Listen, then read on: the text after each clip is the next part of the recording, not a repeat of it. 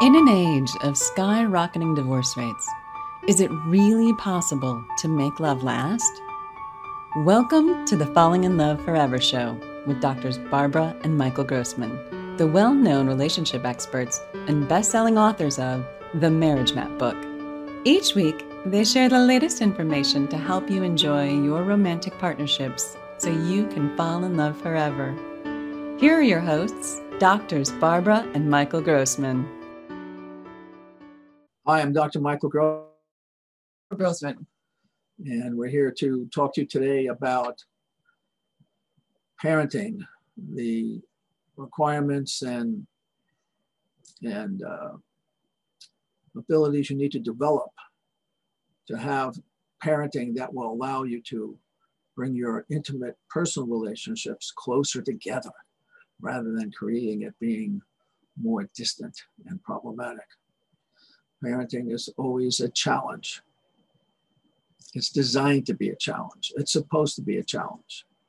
But if you're working together as a team, then you'll find that it will bring you closer together as a couple. So, working as a team also has the advantage of teaching your children that there's a um, distinction in levels. Uh, your child is not equal to you. They're a different generation and they need to be um, structured with rules and consequences and chores um, so that they be a, the skills to have um, take care of their own space, to, to, keep their body clean, to do their homework on time and, and be conscientious. And it's your job to teach them how to do that by having clearly defined expectations. Um, we're talking about this because I've had a string of people about um, the situations at home. Um, parents are spending a lot more time with children lately, and um, it makes um, life um, hard. And um, I was speaking to a, a lovely woman today who was describing to me the differences between her sense of what's right with children and her partner's sense of what's right. And she's mystified what's why her husband feels certain things are so important to her, to him.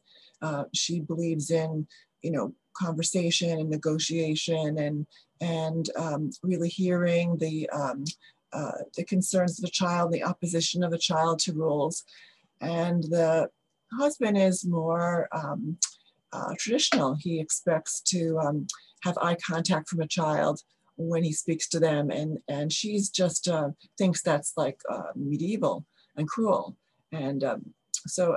Uh, and what's notable about this kind of dynamic is that um, because these partners don't understand each other's sense of values, um, parenting their children are pushing them far apart. And um, and they're not working together so the children get mixed messages and they learn how to um, maneuver and uh, triangle with one partner and get better deals and have a favorite parent for a week or two to get a better deal and that that the whole dynamic just does not work for anybody. And so it's so important to um, get the big picture of what we're talking about. I believe that, um, you know, after the initial uh, entry of a child to the family, where obviously uh, breastfeeding or, or, nurturing a child is paramount and it, it, it works to, for the child, that's when it, the, the child, the family is child focused for sure. A short time later, the child needs to learn a kind of a structure. It starts out with a routine for eating and a routine for sleeping. And eventually it needs to be defined in terms of the behavioral requirements appropriate to their age and your family situation. And so I ask parents to um, individually uh, uh, reflect and discuss with each other the rules that are appropriate for their children so that after conversation, they get together and get on the same page about the rules that are required for that are that are age appropriate for each of their children. And they have and uh, parents resolve their differences um, away from the children, and there's no better deal from another parent the rules are the rules, the consequences are the consequences. And because it's structured, because you've talked about it, thought it through, the consequences are defined and you and you have a list of chores where you hold them accountable because you show up and make sure it gets done. What happens is there is calm rationality in the house. And because there's no better deal, parents are aligned. So mom doesn't offer anything better than what dad offers. And you can execute the rules and have a calm, orderly house. And children know what's expected of them. And they know that, you know, one of the rules in I recommend for your household is uh, speak respectfully to your parents. And if your child isn't prepared to speak respectfully, the conversation's over uh, until a child can uh, sort themselves out and get respectful. And um, a calm house is a good house for everybody. It allows people to have connection, good conversation, and um, play games, uh, help with homework. There's lots of activities we do together as a family, perhaps some sports, but it eliminates all of that chaos that keeps people at, each, at, at odds with each other. And it, it promotes a marriage partnership. And what's real critical is for the parents to be in control of what the rules are in the household. And the parents are a different generation than the kids. The parents are the bosses until the kids are on their own, they're living on their own, they can support themselves on their own. The parents are the bosses. And you have to create that generational gap to have the kids feel safe and taken care of. When you have a coach, whether it's in sports or whether it's in uh, dancing or whether it's in some other hobby, a good coach is on a different level than the student. You need to have that coach be on that different level where you have respect for the coach. When they give you some instructions, you don't argue with your coach. Oh, I don't want to do that. Oh, that's not okay. Or no, you're wrong. I, I, I, I know better than you. Then that person is no longer your coach. They are no longer your coach. You may as well fire them. They're not any, any help to you anymore. A coach, by definition, has to be on that level where they're telling you knowledge and you're letting go of, oh, I know. You're saying, okay, I'll, I'll do what you say because you probably know more than I do. You have the example from that old movie, The Karate Kid. He's he's telling his uh, karate young student, uh, clean the the car, go this way and oh, go that way. I remember wax on, wax, wax off. on, wax off, and he does that for like weeks and weeks, and finally he says, "I quit. This is a waste of time. You don't know what you're doing. I want to learn karate." And he says, "You learn karate." What, what, the kid said, "I didn't learn anything." He says, "Really? wax on and he goes like this and the kid pushes his arm away and he goes like this and, and, and it's like an automatic thing where he just pushes the arm away when, when, when the coach is trying to punch him with karate. He, so he's learned, he didn't know he was learning so many things. Parenting is like that. Your kids don't know what they know. They don't know what they don't know. And you have to teach them. Another example, you have a young child who's like four years old and they want that lollipop. They want it. They want it. And you say, no, you can't have a lollipop. Uh, uh, it's, it's time for dinner. There's no lollipops before dinner. I want it. And they go into a tantrum. They want a lollipop. Well, your job as a parent is to teach the child having a tantrum is not a way to be successful in this world having a tantrum gets you nowhere. Go into your room and have your tantrum. When you finish, come on out and then we'll eat dinner. And there's no lollipops now. And here's your child then having a tantrum and they have to learn to control themselves. And then finally, when they're finished with tantrum, they come down to you and they've got no value from the tantrum. They got no attention. They got no lollipop. And they've learned tantrums not going to get them anything. It may take a whole bunch of time of doing that.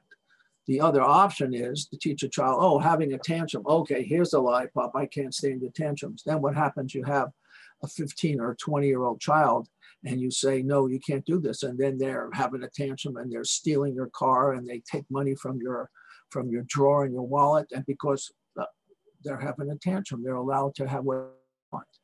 So look what you're teaching them. You have to be their coaches as a parent. It's very important. You're going to teach your children things and you're going to teach yourself things too. You want anything? Yes, you know, so part of is um, defining the rules that are important to you. And what makes that a project is that each of you as partners come from different families. So you're used to, you know, a different um, parenting style perhaps. And, um, or perhaps you have a similar style and your reaction to it is different. I know um, when I started parenting, I was, I thought um, my parents were very old school, very um, traditional. There was a lot of structure, a lot of, a lot, a lot of rules. And um, I um, probably didn't appreciate that because I, I initiated a program of democracy when the children were young, uh, where every child, each child had their opinion. And uh, it drove me crazy, frankly. Um, but, you know, it felt like the correction to my history wasn't a correction at all. But the two of you need to talk about your histories and understand each other and, and look to create a, a structure of rules and, and chores that make sense to your family. And it's a wonderful conversation to walk down memory lane and remember how it was to be a child in your family of origin and um, how you felt about how your mom treated you or your dad treated you and to and and to bounce off each other and to sort out what how you want to create your your partnership in parenting because you eventually have to get to the same set of rules and consequences speak with the same voice, you just have different mouths it comes from. Um, so whether mom is there to execute the, the rules or dad is there, um, it's the same voice, the same rules, same consequences. And it's real critical that you as parents maintain that level of being the coach. You're in charge of coaching. There's no arguing. You don't argue with your students. You just say, that's this is how it is. I'm the coach, mm-hmm. and that's how it is. When you then leave my coach system and you're 21 or 18 and you're on your own, okay, then I don't need to coach you anymore. But right now, I'm your coach. I don't argue with my students. I tell them the way it is. Mm-hmm. So we do make allowances. The, as the children get older and they have, they're more sophisticated, they may come to you and say that they believe a rule isn't uh, appropriate anymore, or it's uh, unfair in some fashion. And um, and you're, it's there is an opportunity to whether the rule is appropriate at this time. The way you handle it is, I'm to, you know, you, it is a definitely a partnership conversation first you say, well, that's really interesting, your point of view. I'll take that up with your mom or your dad, and um, and we'll, I'll get back to you. We'll, we'll, we'll see what we, we'll see what we think about that. So you don't make, you don't revise anything without your part of the process. Now there's lots of different rules, consequences, and, and, and each family has to make their own. And there's a lot of different things we can discuss and go through that. We actually have a series of classes on parenting. And we invite you to go on our website, themarriagemap.com, and go there and send us a message if you're interested in, in being a part of that class. We have a uh, online class that we teach on parenting. We're going to teach a bunch of other classes too online, but this is one that uh, you can certainly be a part of. And we're happy to have you do it. So just let us know if you're interested.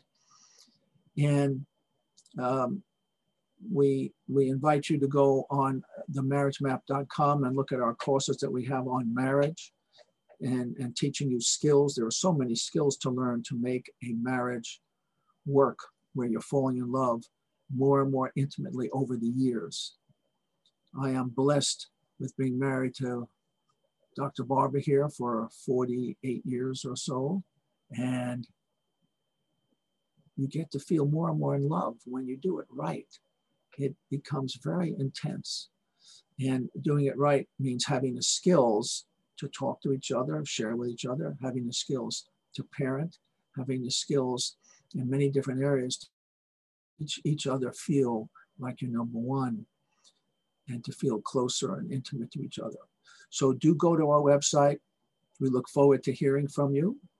And it's been a pleasure. You want to say anything before we go, Mida? Just wishing you love and happy family life. Thank you so much. Have a good night. Bye now. Thank you for watching the Falling in Love Forever show with doctors Barbara and Michael Grossman. Join us next week for another informative discussion to help you keep your love alive. Be sure to visit us at themarriagemap.com or find out about our relationship classes at fallinginloveforever.com.